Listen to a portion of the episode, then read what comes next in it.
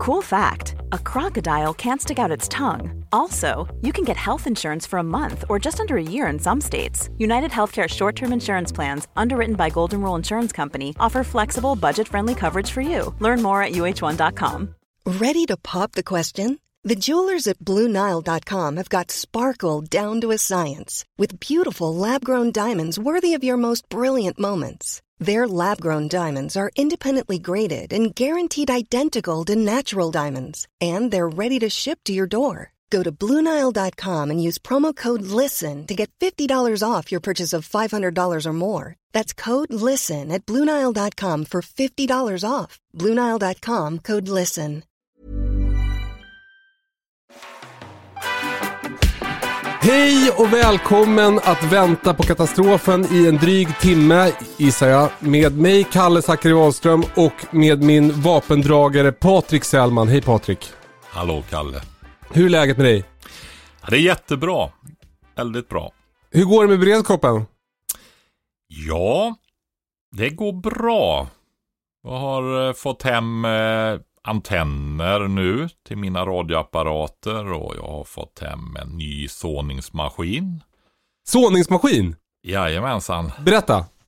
Ja, det är en. Jag har ju min gamla Earthway såmaskin. Ja. Eh, och den är jättebra på många sätt. Den har jag haft i 25-30 år. Jag Den- vet ju den- hur en sån här såmaskin ser ut, men, men för de som inte vet det, kan du förklara ungefär hur den, vad är, vad är en såmaskin? Ja, den typen av såmaskin det är ju två hjul och det främre hjulet har ju en rem som driver en skiva som i en behållare lyfter upp frön efterhand och släpper ner i en ränna så att den gör ett spår så att du kan få ett eh, justerbart sådjup i rännan. Och sen har den en liten kätting som drar efter och lägger över när fröet är nersläppt. Då. Otroligt. Sen kommer bakhjulet då och välta lite lätt och trycker till jorden på då. Men den sår, ja det är svårt att få det. Det är ju framförallt till morötter, dill, palsternackor och sånt som jag har såmaskin. Och det vill gärna bli, det går fort att så, du får ut fröna. Ja.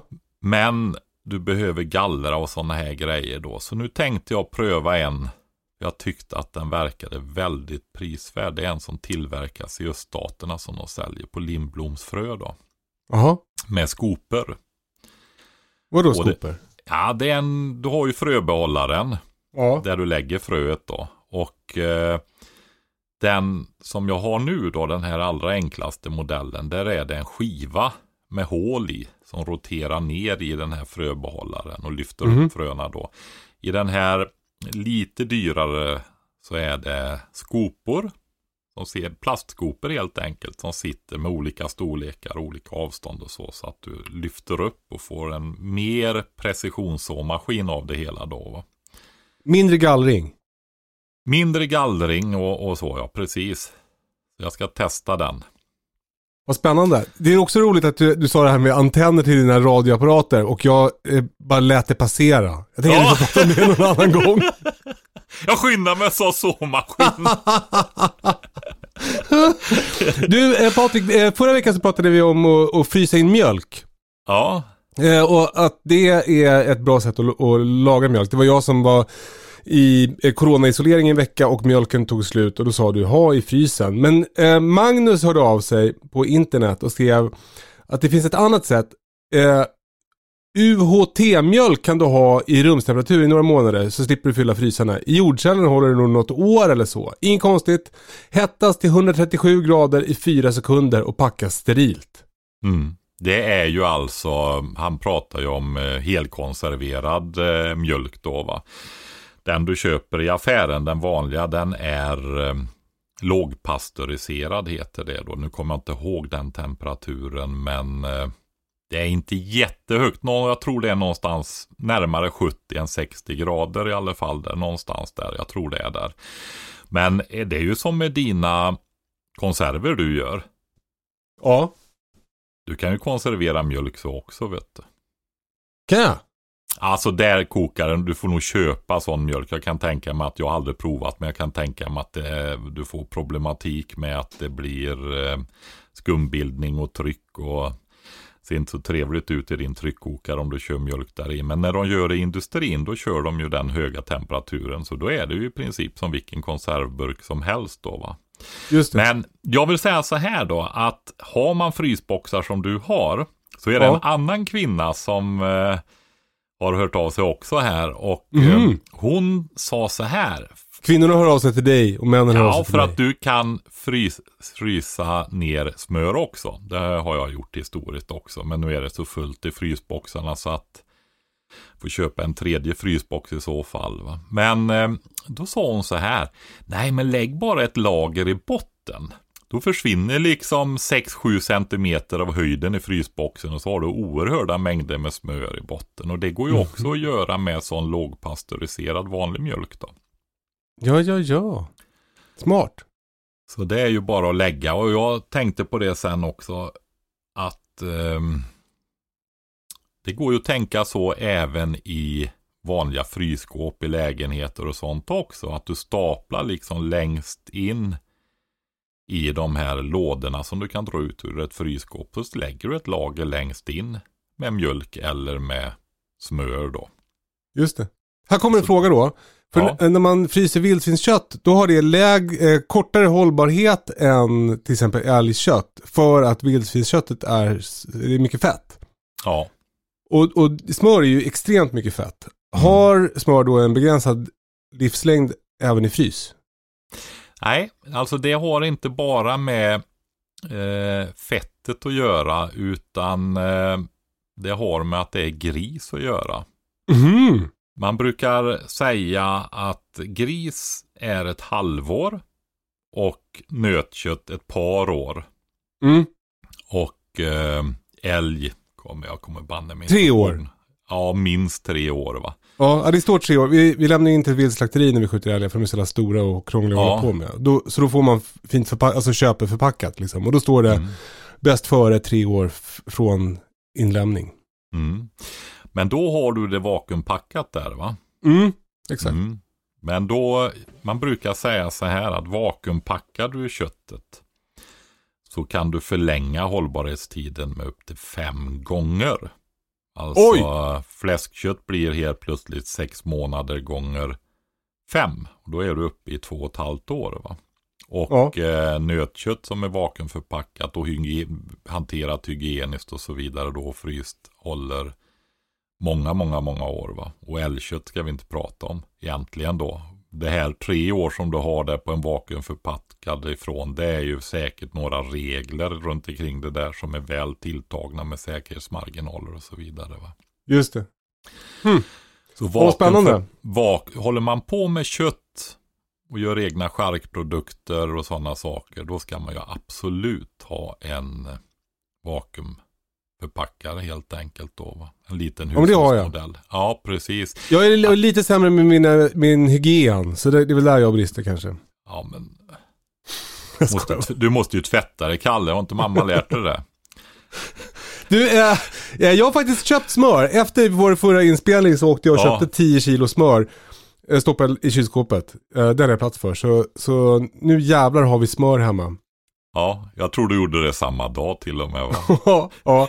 ja det, det satte igång mycket i mig. Eh, jag även, eh, jag eh, sett över min, min, mina komposter. Mm. Jag har grävt ur en och liksom vält över i en, i en annan behållare. Eh, och då är, var det ju jord längst ner. Så den, den jorden har jag nu kunnat eh, ta när jag har planterat om chili eh, plantor. Mm. Då kunde jag ta min egen kompost. Och det var faktiskt första gången i mitt liv som jag har kunnat göra det. Och det var jättekul. Jag, och, jag och har återigen fått lite, så du brukar säga att man inte ska hålla på och slänga eh, animaliska grejer i. Och det var ju så här kräftklor och sånt där som inte riktigt hade, hade förmultnat. Så jag, Mm. jag tror att jag har, har nu slutat helt med att slänga sånt i komposten. Mm. Eh, och sen hittade jag också en råtta i, i komposten. Eh, det, det bodde en råtta.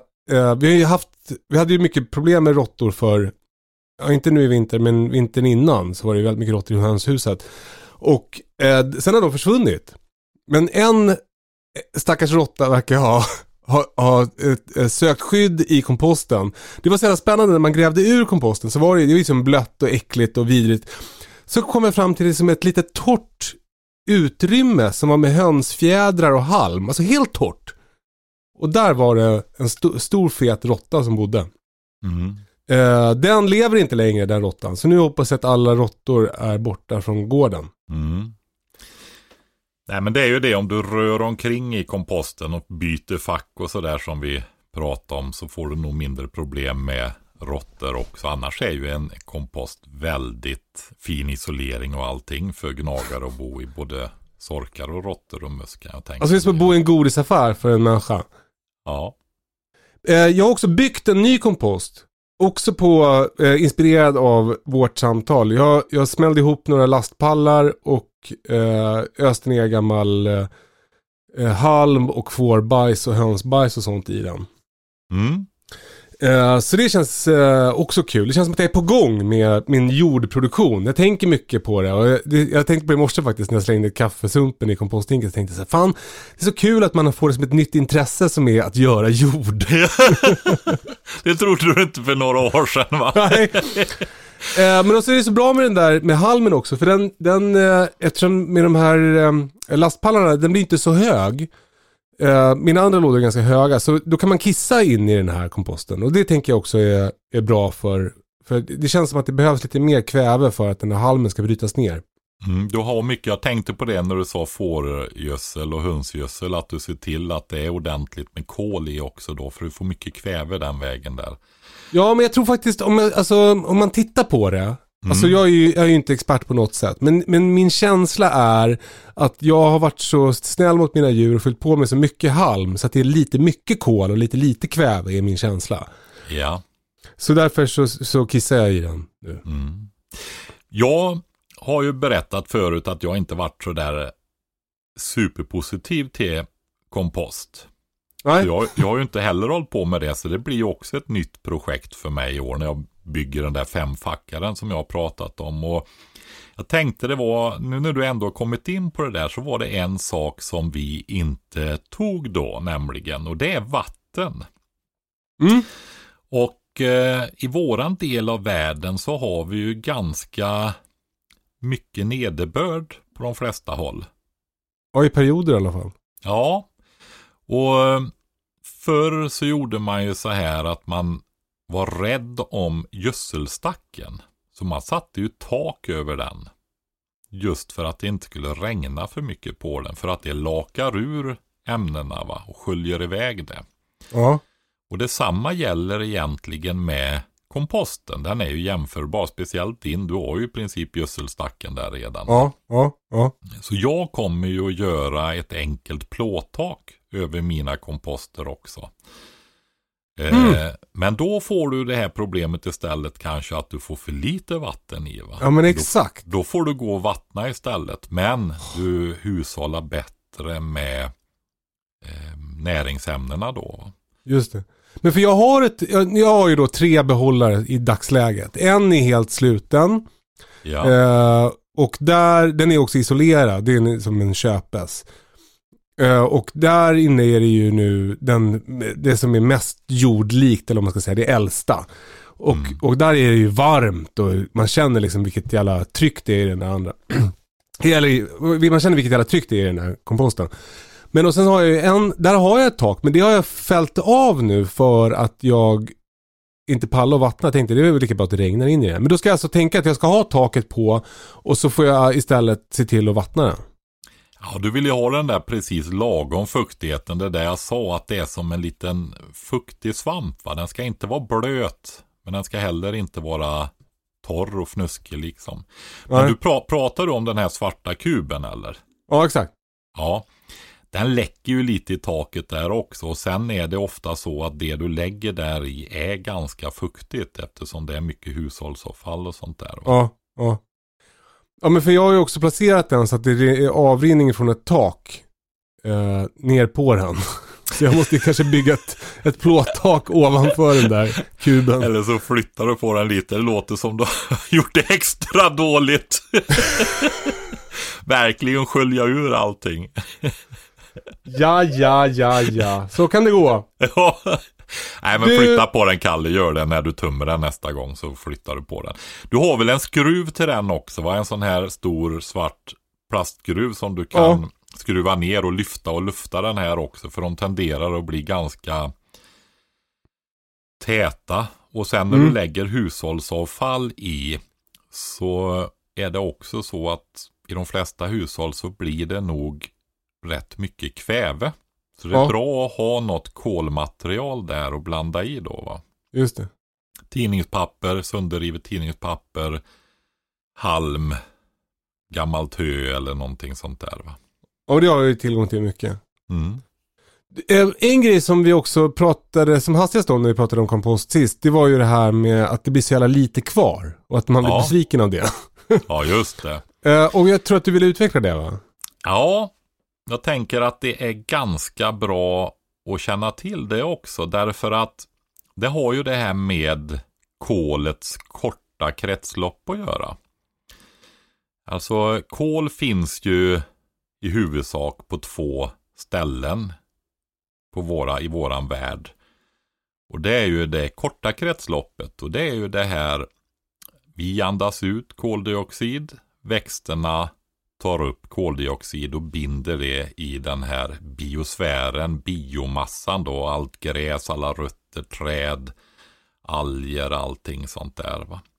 Och där sker ju så en, en cirkulation, kolets korta kretslopp. Att eh, när ett träd dör och hamnar på backen så kommer ju det att förmultna, komposteras. Ja. Och då bryts de här kolkedjorna som trädet byggde upp igen med hjälp av solljuset och, och koldioxiden och vattnet då.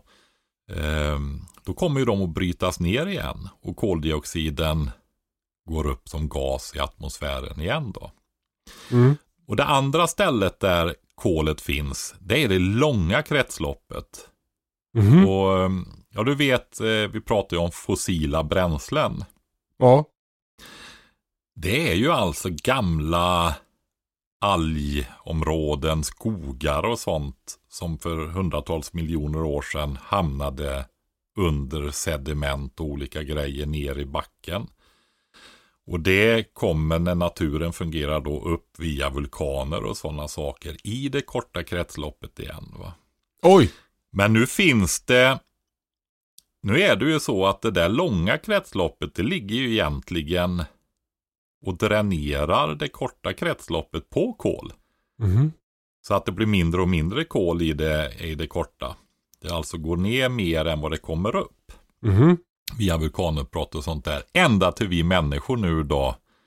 Jag började Började. pumpa upp all olja. Ja, precis. Och började ta vara på de där gamla skogarna och algområdena det och för tillbaka då. Va? Och det, det de diskuterar då nu då med olika infallsvinklar det är ju hur fort kan man föra tillbaka det här till det korta kretsloppet. Alltså du Just hör ju det här med växthuseffekt och sådana här grejer. Just det. Och ehm, ja, alltså. ehm, För det är ju så, vi har ju blivit förvånade över hur fort de kan ta upp. Jag har nämnt för dig någon gång att växthusodlare och sånt där, de gödslar ju också med koldioxid i växthusen. Alltså att man höjer koldioxidhalten för då kan växterna växa mer optimalt till en viss gräns då. Va? Och så Mm. är det också på våran planet i övrigt, det stora växthuset då. Att eh, höjer du koldioxidhalten så växer växterna mer. Det, våran planet har ju alltså blivit grönare. Det växer mer, vi får större skördar i jordbruket och så vidare med den här ökade koldioxidhalten då. Mhm. Men sen det som man är orolig för då, det är ju just det här om vi jag menar, du vet, vi har ju, jag har ju varit inne på det här med ekonomi va. Ja. Alltså det är ju, jag- måste nästan säga min personliga det här vansinnet nu då, där vi bara skuldsätter oss och man driver på den här ekonomin och vi, ja skulderna liksom, vi lever nästan upp nästa och nästnästa generations tillgångar så vi bränner ju den här oljan allt vad vi orkar. Tänk om vi hade varit rädda om den istället. Ja. Den är superresurs liksom. Och så hade vi inte bränt den så fort som vi gör nu. eller använt den till olika material och grejer utan att biosfären då hade fått möjlighet att ta upp den här igen så hade vi fått mycket mer liv på planeten. Va? Mm. För du har det, det, koldioxid är ju ändå en av växthusgaserna, även om den kraftigaste växthusgasen då är vattenånga faktiskt. Och du har den här mekanismen att när temperaturen stiger så avdunstar det ju mer ifrån haven. Blir mer moln och det vet du när solen går i moln att ja, det blir inte lika varmt och så vidare. Va? Du har ju sådana här buffringsgrejer då. Men så är det en oro där att om vi gasar på för fort med och elda upp den här oljan och biosfären inte hinner ta upp den. Det gör den ju inte för koldioxidhalten ökar ju då. Fast den har mm. inte ökat så mycket som man, man befarade tidigare då. Så ehm, där har du det korta kretsloppet. Är det här som sker i livet i biosfären då. Inandning utav växterna, fotosyntes och sen förmultning. Eller att vi äter upp det. Men, och du bara för att jag är lite trög då. Liksom, var, var, varför, vad är det med det här som gör att min kompost blir så liten när jag har lagt allt skräp i den? Ja, men det är ju det att det förmultnar, bryts ner. Det är ju ja. egentligen bakterier, maskar, svampar och sånt som äter upp det här. va. Och eh, då går det ju upp som koldioxid i luften. Så mm. det här de här strukturen du har lagt ner från början när den är full den här så ligger ju det och bryts ner här så det är massa koldioxid som går upp i luften igen som gör att det blir mindre volym. Och till, eh, om du blandar fel, visst du har alltid en avgång av kväve, du har ju kvävet kretslopp också. Det här det. som är huvudgasen faktiskt där på planeten som är ja. nästan 80 procent i det vi andas in och ut. Då, som också cirkulerar. Det finns alger i jorden som tar upp kväve och ser till att det binds igen. Och sen har vi de här bakterierna som eh, lever ihop med växterna och sitter på deras rötter då som kan fixera det här luftkvävet och föra in det igen då. Va? Så att vi kan äta och bygga proteiner och så i våra kroppar. Fan vad coolt det är att det funkar. Ja, det är, det är jättemagiskt alltså.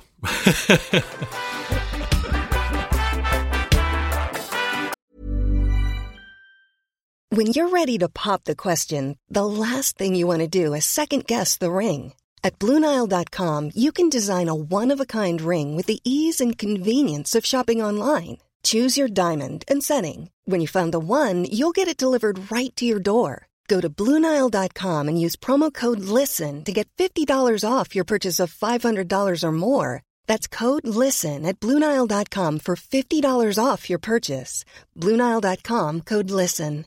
I'm Sandra, and I'm just the professional your small business was looking for. But you didn't hire me because you didn't use LinkedIn jobs. LinkedIn has professionals you can't find anywhere else, including those who aren't actively looking for a new job but might be open to the perfect role, like me.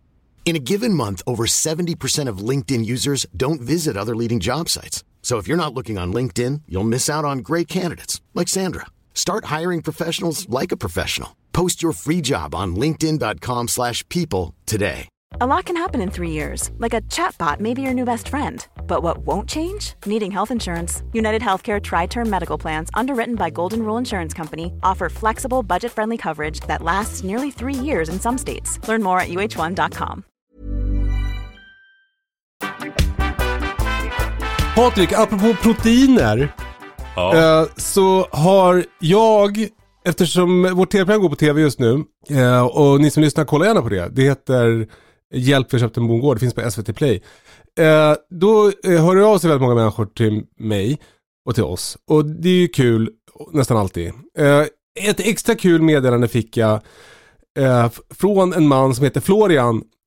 och han skrev att han har två Linderöd-svin. Mm. Och eh, han skaffade dem eh, med tanken att de då skulle leva hos honom ett år och sen bli eh, mat.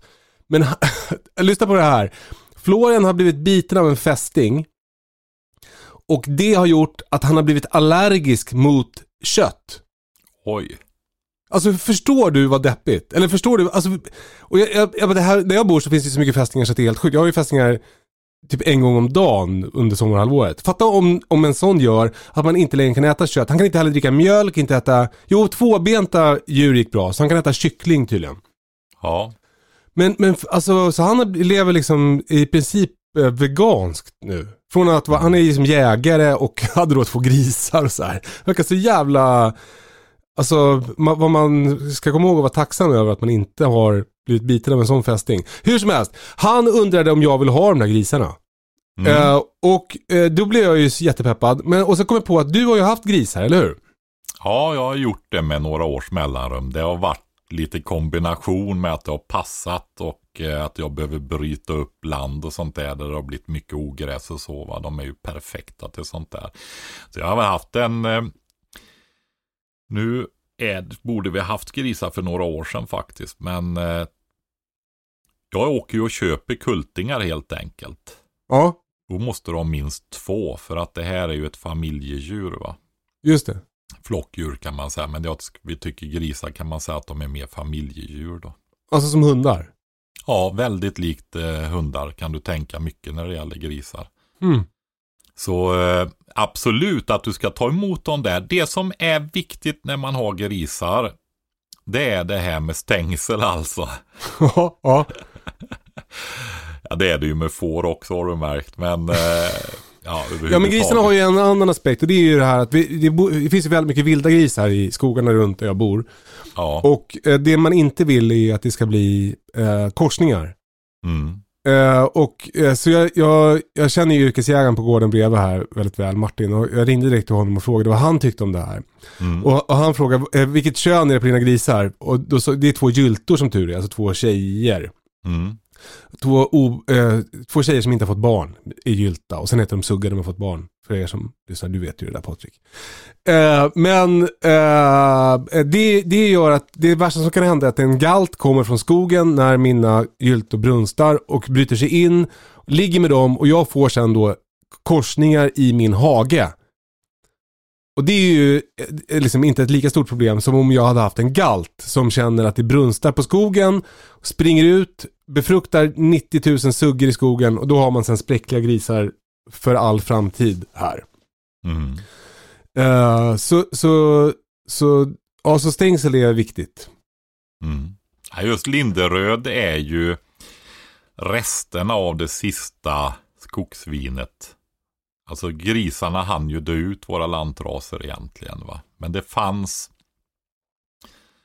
man hittade några med det gamla skogsvinets utseende kvar då. Va? Och sen har man, vad jag förstår, det här kommer jag väl få skäll för då, men eh, det kanske finns olika grenar. Men jag, man korsade in vildsvin faktiskt i Linderöd för att få en bredare genetisk bas då.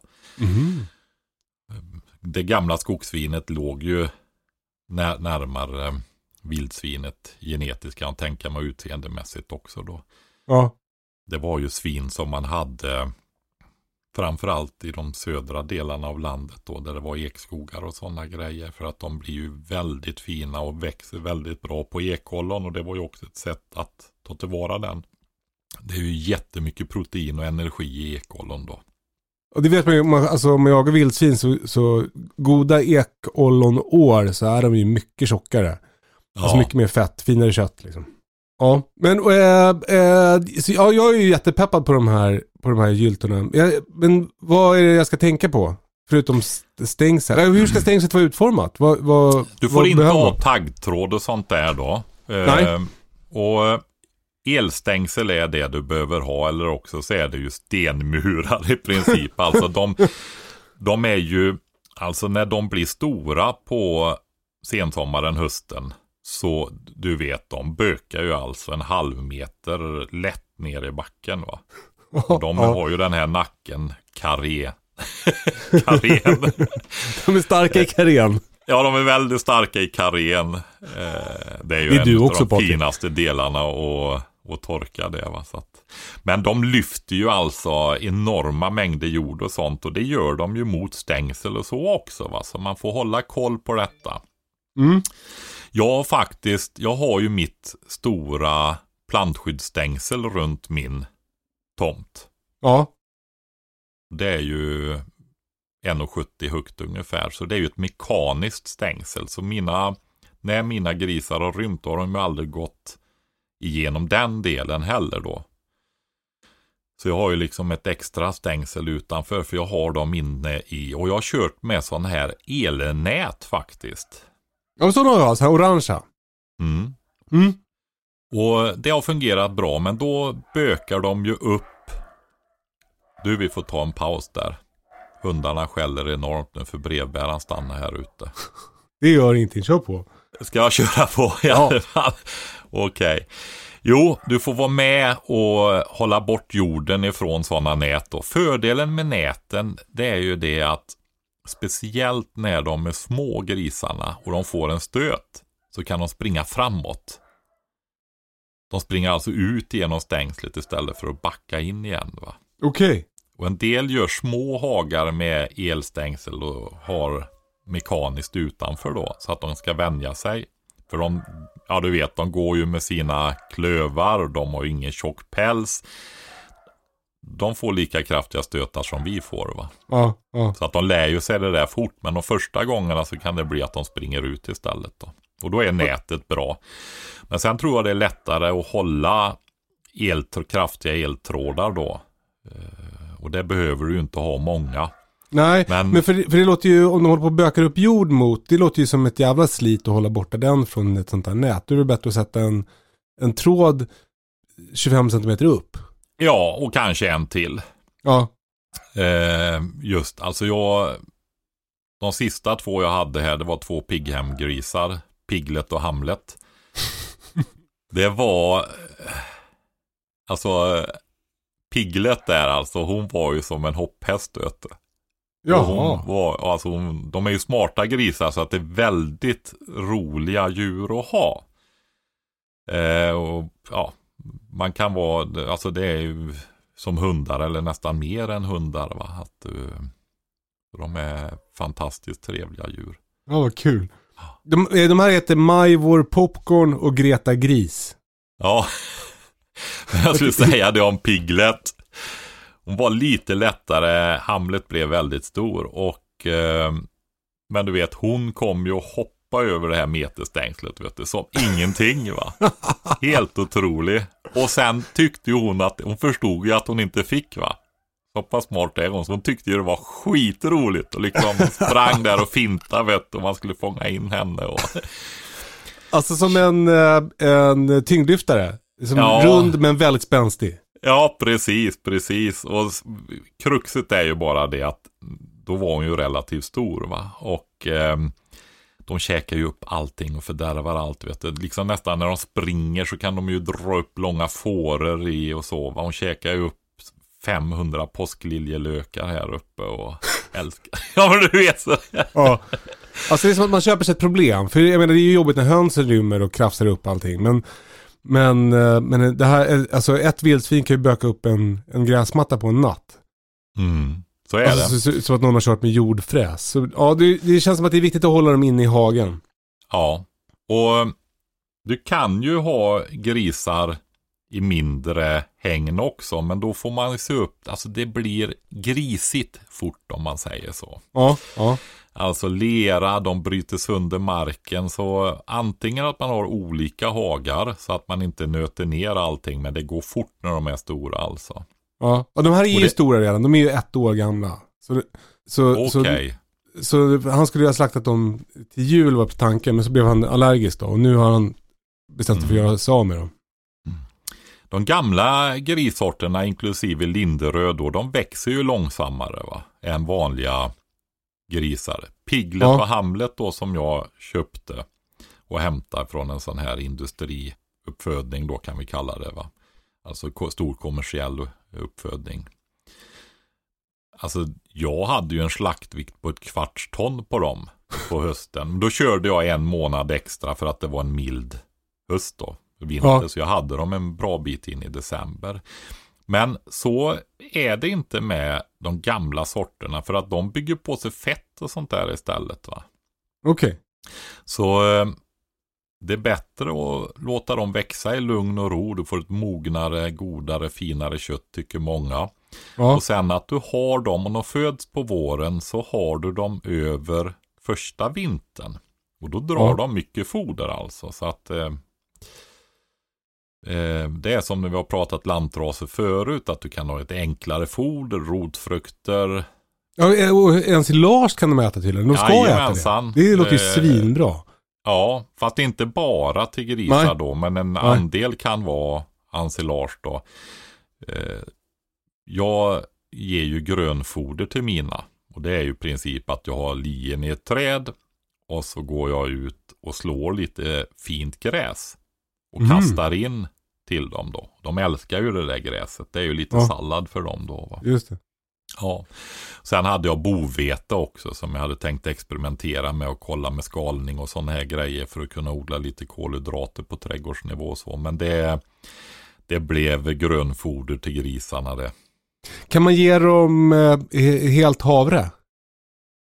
Ja, men det är samma. Alltså, jag vill bara säga på bovete där att man får vara lite försiktig när man ger sånt till grisar. Därför att det är kiselrikt och så och kan göra att de blir känsligare för solen när man har ute grisar. Då, bara som en Mhm. parentes där.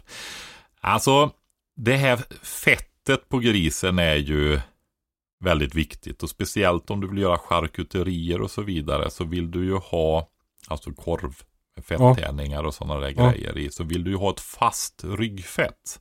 Mm. Och då är kornet ger ett bättre fett på grisen. Havret ger ett lösare fett. Jaha. Så det är därför man alltid har korn till grisar då. va. Men kan man ge dem helt korn? Ja, fast inte.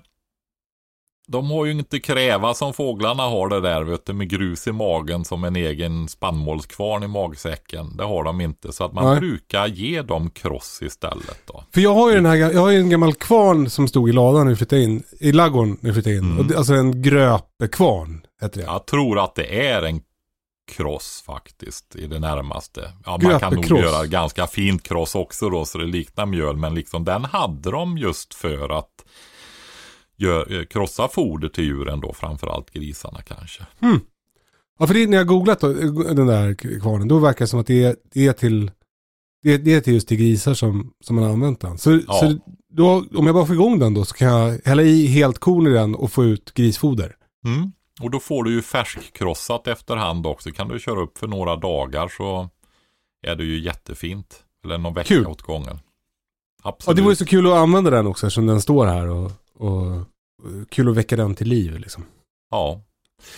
Sen är det ju som med andra djur just när det gäller grisar. Du har säkert lärt dig med fåren, det här med parasiter och sådana saker. Ja, Mm. hur ska man tänka med eh, grisar? Ja, men det är samma sak eh, faktiskt. Att du kan inte ha Alltså ska du ha, det är ju det här med pris och kostnad och så vidare. Man kan ju ta extra höjd när man har till husbehov och verkligen göra det perfekt. Men om du överför det till att du ska köpa sånt kött så är det ingen som vill betala så mycket. Men egentligen så kanske grisar inte ska gå på samma ställe mer än var sjätte, sjunde år va. Alltså att du har ett betesföljd och det ska du egentligen ha med får också. Ja, För fjärde år är det med, med får. Ja, där man brukar säga fyra år som ärtor ungefär. va. Och så. Men, eller potatis också. Men ehm, att du har lite extra, speciellt om du inte vill avmaska dem då. Jag vet Just inte det. om hur det är med ekologiskt, alltså kravmärkt nu om de var tvungna att börja godkänna avmaskning där. För att det har ju med djurhälsa och djuretik och sånt där att göra också. Man kan liksom inte ha dem en liten hage och inte avmaska dem. Va? För då blir Nej. det ju, ja, de kan ju dö unga djur och så vidare Ja. utav det där parasittrycket. Va? Så att det är viktigt att man har klart för sig också. Du har en sjukdom just när det gäller utegrisar. Och det är ju rödsjuka då. Och den eh, finns i princip överallt i jord då. Så det är ju mer att det blir uppförökat och att det blir ja, Mer det än vad ut, utbrott helt enkelt. Va? Det är ju mycket sjukdomar finns ju runt omkring dem. Men vi har ju ett immunförsvar som skyddar oss. Va? Men Just så det. Får du ett utbrott när du har en svacka i immunförsvaret eller någonting sånt där. Då. Så det får man se upp med också. Då får de feber och kan bli rödfläckiga och sådana där grejer då. Och det är antibiotika på det då. Mhm. Det finns ingen resistensproblematik och sånt där heller. Vad jag, jag vet inte nu, det är ju länge sedan jag höll på. Det är ju varit bikurser varenda sommar i 6-7 år nu och sånt där. Så att jag inte haft några grisar på länge. Men just rödsjuka med feber och sånt. Sen om du har små, när vi ändå pratar om grisar och nu blir ju dina vuxna. Men när man tar kultingar då. Och vill Ja. ha så kallade hushållsgrisar. Det hade man ju förr med. Att det var någon som hade suggor och så de andra köpte ett par grisar och hade och gav dem matrester och vassle från ost och smörtillverkning och sånt där va. Just det. Och ehm, det är ju det här med diarré. Det är som med valpar vet du. Jaha. Också lika som hundarna att de lätt får diarré i valpsår. Fick dina valpar diarré? Nej. Ingen av dem? Nej. Nej. Jag tror inte det. Kanske- inte riktigt. Nej, men det är väl mer när du avvänjer dem också sen som det finns att du byter foder och sånt och går Vi har ju lite bråttom vi människor när vi ska vänja av djuren och det är ju för och nackdelar med allting va. Men mammadjuret oavsett art och så vidare för ju över immunförsvar och sånt via mjölken mycket också. Och eh, det är lätt att det blir diarré på grisar och hundvalpar också då. Okej. Mm. Och det får man ju se upp med då. Ja.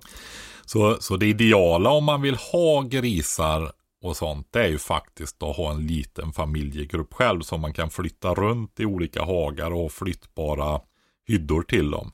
Det är Ja. det ideala. Och att du Ja. kan ha kultingar som får gå med familjegruppen länge då. då Men för det är det som är min plan. De här är ju, in- de har ju aldrig fått några kultingar de här gyltorna. Men jag tänker att då, då du får hjälpa mig att tänka ut då bara hur kalendern ser ut. För om jag får hem dem nu eh, inom en månad. mm. Då är de som sagt ett år gamla. Då borde jag försöka få hit en, en galt, låna hit en galt nu va? Ja, eller köpa en galt som inte är släkt med dem. Just det, men då, då skulle han då få betäcka dem och sen så slaktar jag honom. Ja, eller om han går med familjegruppen. De, just Linderöd brukar vara väldigt bra på att gå i familjegrupper med både galt och... Men det är bara för, för det som är så skönt med att inte ha till exempel en fårbagge, det är ju att barnen kan gå in hur som helst Ja. till fåren. Och- jag tänker att det är väl samma sak med galtar. Att de, de Ja, kan väl alltså också... det kan jag säga är ju om man tänker ur det perspektivet. Men jag kan nog...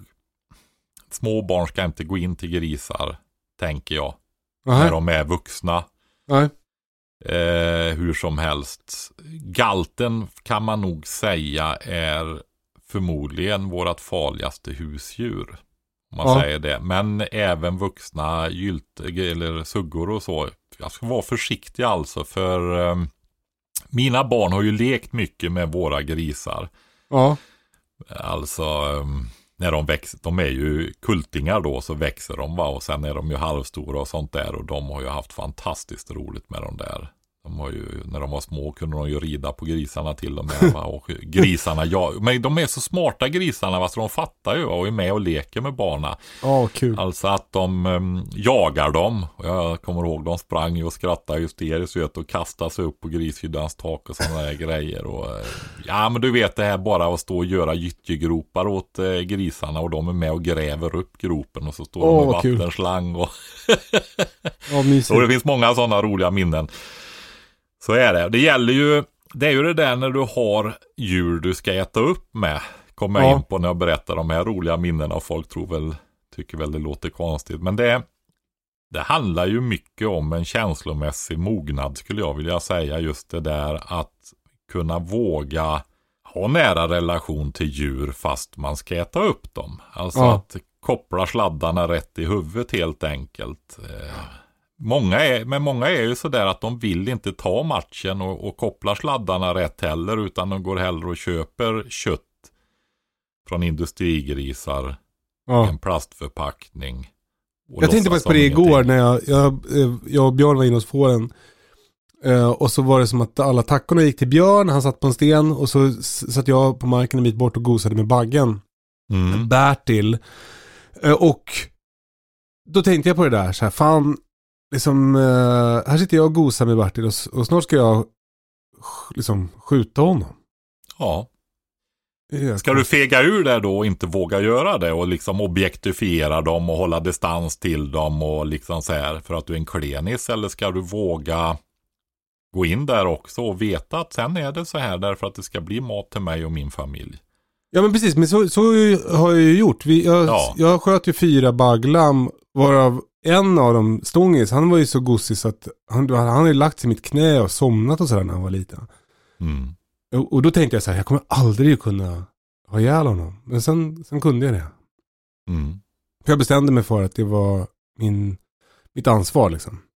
Ja, det, någonstans så handlar djurhållning även till husbehov faktiskt om den ett ställningstagande där man får bestämma sig och så får man inte hålla på och misshandla sig själv med sitt kä- käns- känslorna för mycket där sen heller. Va? Man får ju våga vara, tycka att det är jobbigt och liksom de här bitarna men man kan inte hålla på och vara dum med sig själv. Va? För då får Nej. man välja bort att ha husdjur eller bli vegan eller liksom någonting sånt där. Va? Utan eh, ska jag ha djur, satsa på friska fina djur, bästa sort, vara med och rädda äldre raser, veta vad de har ätit, få hög kvalitet, lära mig det här med olika charkuteriprodukter, torka, fermentera kött och så vidare. Va?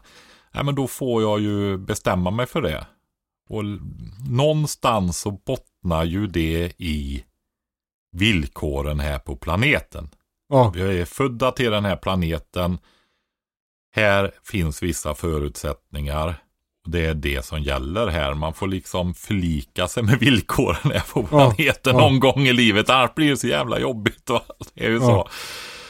Ja, Ja, ja, det där, och speciellt om det är liksom, som du säger att grisarna är så sociala, att de är nästan som, att de är som hundar, då kommer det ju bli otroligt tufft att mm. göra den resan med dem. Eh, Mm. För fåren är ändå, de, de är ju gosiga, men de är ju också skygga liksom. Eller vad man ska säga. Ja. Är, de är ju dumma fårskallar. Jo, men då är, då är ju grejen sådär. Ska du våga ha får, man får ju klara av det. Det får Mm. man ju välja var och en själv givetvis. Va? Men för mig så är det självklart just det där att ha den där fina relationen till djuren när man har dem. Speciellt när du har det i så liten skala som du har när du har det till husbehov. Ja, Och eh, alltså jag tycker det tar emot att fega ur. Det är ju Ja. som du kan gå i hela livet och vara rädd för allting därför du kan bli sårad och det blir man ju. ja, Men låt det inte vara så farligt att bli sårad då utan våga investera i relationer, våga misslyckas och det där vi har varit ute på förut på alla sätt, både praktiskt och med människor och med olika saker och sånt. Att det, det får göra lite ont ibland, det är inte hela världen alltså. Det, det finns en Garth Brooks-låt som heter The Dance. Då säger han så här, jag är glad att jag inte visste hur det skulle sluta, för då kanske jag inte hade vågat dansa med dig. Så här. Alltså, han, han, blir då, han får sitt hjärta krossat, men han är ändå glad att han inte visste om det från början, för då kunde han njuta av den här dansen. Som de...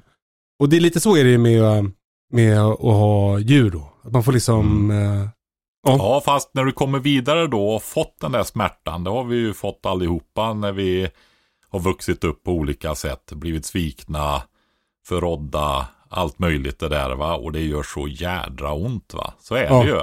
ja, Ja, men det är ju då du inte får bli rädd. nej, Utan det är ju då du måste satsa på att lära dig att hantera dina känslor och inte bli slav under dem. Och dö innan du är död för du är en fegis. just det. Någonstans. Och Sen är det inte lika lätt för alla och en del är superrationella och en del är göremotionella och så vidare. Men då får man försöka ehm, lära sig att hantera det där. Annars så stympar man sitt eget liv då. Va? Ja, Speciellt när det gäller nära relationer och sådana saker. Det är viktigt. Och våga prova på att göra grejer och göra fel och misslyckas och stå där med den där skammen. Skam är ju något som man också måste lära sig att hantera. ja. Du, nu har, eh, har vi gått ifrån eh, skomakarpodd eh, över lite odlingspodd och hamnat på relationspodd. Ja, tror jag underbart. Det är fantastiskt. Men du, eh, bara för att jag och alla andra som lyssnar som då har beslutat sig för att våga ta det här steget och skaffa grisar. Ja, Då går vi tillbaka till kalendern. Jag får hem dem. Försöker jag få hit galten så snart som möjligt eller ska jag låta dem vara liksom... Ska vi gosa med dem först? Du, det där är en väldigt bra fråga faktiskt. För att Nu är Tack. det gyltor och de är givetvis intresserade av galtar. Ja. Ja, men för, varför jag funderar och tycker det är en bra fråga det är nämligen för att det är lite känsligt det här med att ta in nya medlemmar i grupper och så vidare. Mm. Så man gör inte det hur som helst men att ta en galt till två gylter det tror jag inte är några bekymmer. Eh, nu, ja, det är ju lite, lite sent på säsongen höll jag på att säga men i och med att du ska köra dem över vintern, kultingarna och så, så går det säkert bra också.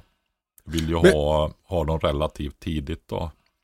Men borde jag, borde jag i så fall, eh, alltså, eh, om jag tar hit en galt, ja, Mm. de blir dräktiga. När föder de då? Hur lång tid tar det? Oj! Det borde jag ju kunna. Ja, verkligen. Alla är Ja. jättebesvikna nu Patrik. Nej, äh, nu får du klippa Kalle där. Nej, jag kommer banne mig inte ihåg det. Vi får googla det helt 114 enkelt. dagar. Vad sa du? 114 dagar. En gång till. Hu- 114 dagar. Ja. Det är ju skitlänge ju. Mm. Ja, det är, det var därför jag sa att det var lite sent då. Det är ju tre månader och eh, 24 dagar då. Just det, då kanske de inte hinner bli tillräckligt stora för att klara sig ute i vinter. Jo, men det tror jag, det är inget bekymmer. Nej, ja men vad bra. Men, men då, då, när de då har fötts, då får de Mm. gå ihop hela vintern. Jag har två gylter och då sjukt mycket kultingar, Ja. förhoppningsvis. Eh, Galten, jag tänker att jag kommer att låna hit den, eller hyra hit den, för att jag orkar inte hålla på med det. Så då, då kommer jag då ha två, två suggor och massa kultingar nästa vår. Mm.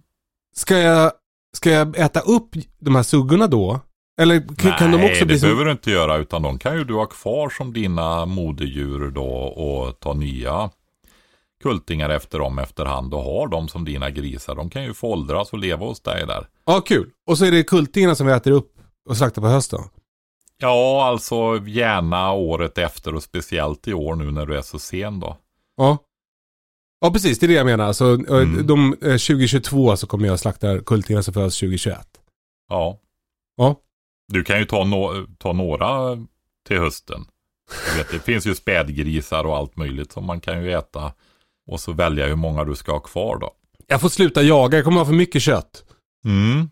Ja, så är det. Du, man måste, det har du ju, i och med att du har får nu då, så är det ju det där med, det är väldigt reglerat med djur. Så att om man inte har djurplatsnummer, för det har ju du på fåren där förstår Ja, jag, så måste ja. du ha, skaffa, om du har liksom eh, fjäderfän och sånt, nu kommer det ju att bli regler som gör att man måste registrera även enstaka höns just för Ja, att det är sånt ja. problem med fågelinfluensan då, va, så att de vet var det finns. Det. Men eh, andra fjäderfän, jag vet inte hur reglerna, det står höns faktiskt när jag har tittat till reglerna nu. Men historiskt har du inte behövt ha det i alla fall va. Och skaffar du då hushållsgris, ja då måste du faktiskt skaffa djurplatsnummer. Produktionsplatsnummer tror jag att det kallas. Ja, ja precis. Då Ja. kanske det heter nu. Mm. Så är det. Och, Ja, men vad spännande. Ja. Och sen när det gäller kultingar och så. Har du utegrisar. Alltså det fin- när man, de, de som föder upp grisar de ger ju extra järn till de nyfödda. Och det finns paster av olika slag. Jag tror inte man får ge sprutor hur som helst längre med järntillskott till dem då. Men då finns det paster och sånt som man kan blanda i maten och så för att få i dem extra järn då när de är små också. Det brukar vara en sån klassisk grej då. Mhm. Ja, jag lär ju Mm. fråga grejer igen Patrik. Men eh, jag känner mig peppad på att ta hem eh, Maj, vår popcorn och eh, Greta Gris. Ja, Nej, men man får väl säga det också just det här att jag är själv så att just det här, vi grillar jättemycket på somrarna. Här. Ja. Eh, väldigt stor del av våran sommarmatkultur. Och jag är ju sån så jag gillar ju, jag tycker fläskkött är det godaste köttet ja. Ja. Och sen tittar du på det och man vill gå vidare. Du har ju börjat lite grann. Du har lämnat bort en del tror jag när det gäller korv och sådana där grejer. Men du har ju torkat skinkor och sånt. Mm.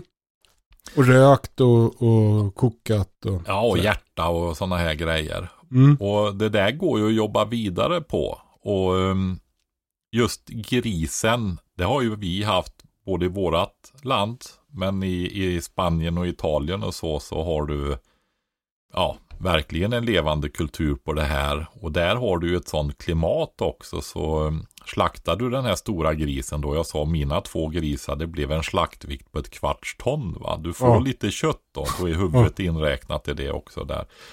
Men eh, ja, då gäller det att kunna ta vara på det där. Du kan ju inte äta upp alltihopa med en gång. Och Visst, vi har frysboxar och ett halvår och så vidare. Men torkar du köttet, eh, saltar och torkar köttet, kryddar det och så vidare. Så du får ju sådana delikatesser. Alltså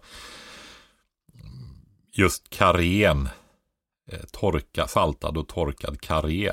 Koppa heter ju det på eh, italienska då, den traditionen där nere. Och då har du en... Eh, många tror ju att man ska torka så himla fort va.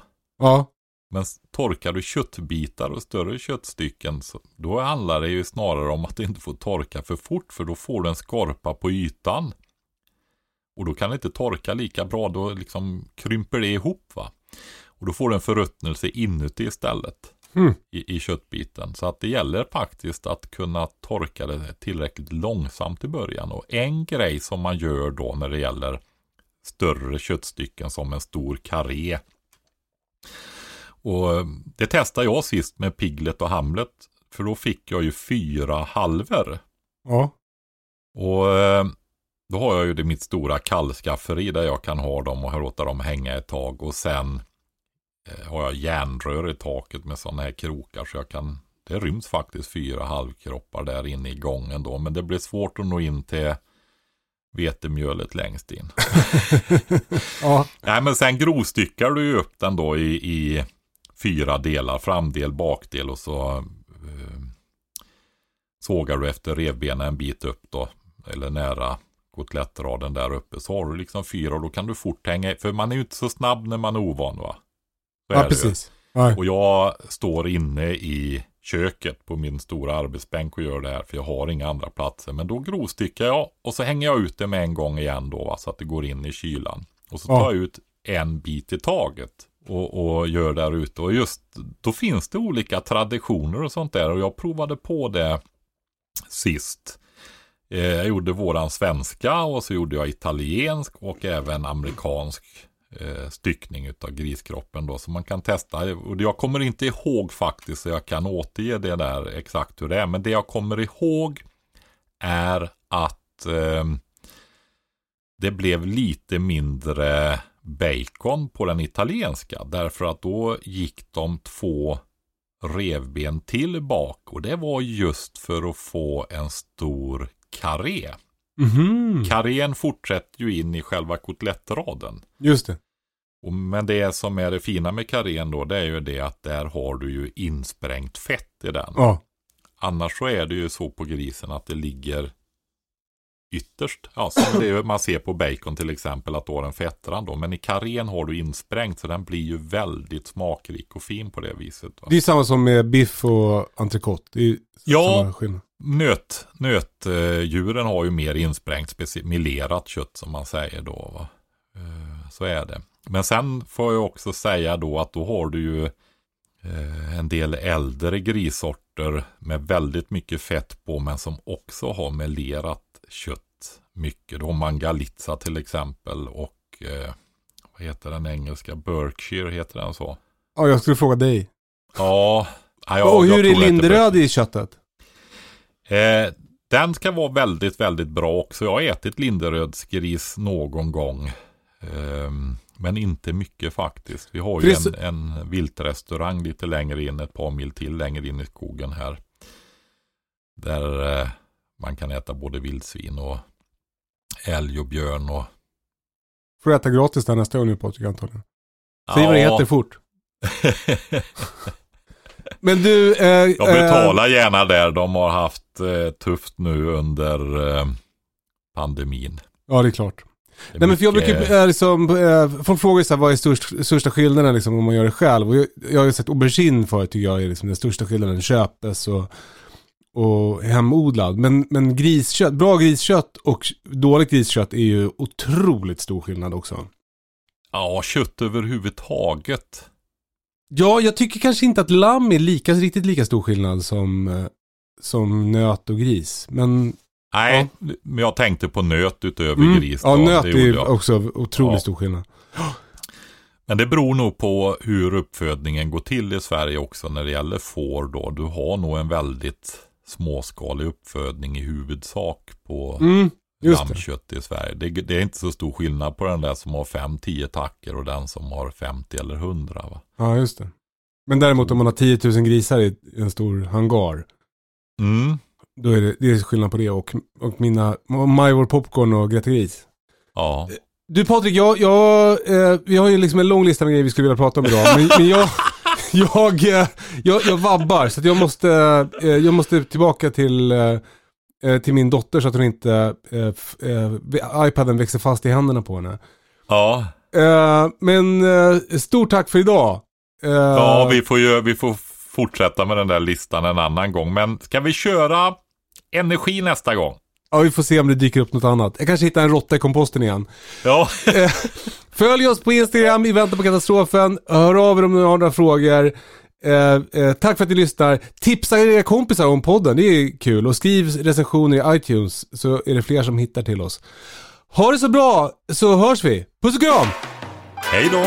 Hej då!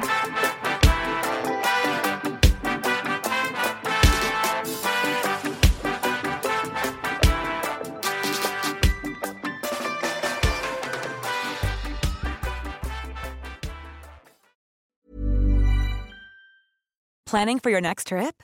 Elevate your travel style with Quince. Quince has all the jet setting essentials you'll want for your next getaway, like European linen, premium luggage options, buttery soft Italian leather bags, and so much more. And is all priced at 50 to 80% less than similar brands. Plus, Quince only works with factories that use safe and ethical manufacturing practices. Pack your bags with high-quality essentials you'll be wearing for vacations to come with Quince. Go to quince.com slash pack for free shipping and 365-day returns. Imagine the softest sheets you've ever felt. Now imagine them getting even softer over time. That's what you'll feel with Bowl and Branch's organic cotton sheets. In a recent customer survey, 96% replied that Bowl and Branch sheets get softer with every wash. Start getting your best night's sleep in these sheets that get softer and softer for years to come. Try their sheets with a 30-night guarantee. Plus, get 15% off your first order at bowlandbranch.com. Code BUTTERY. Exclusions apply. See site for details.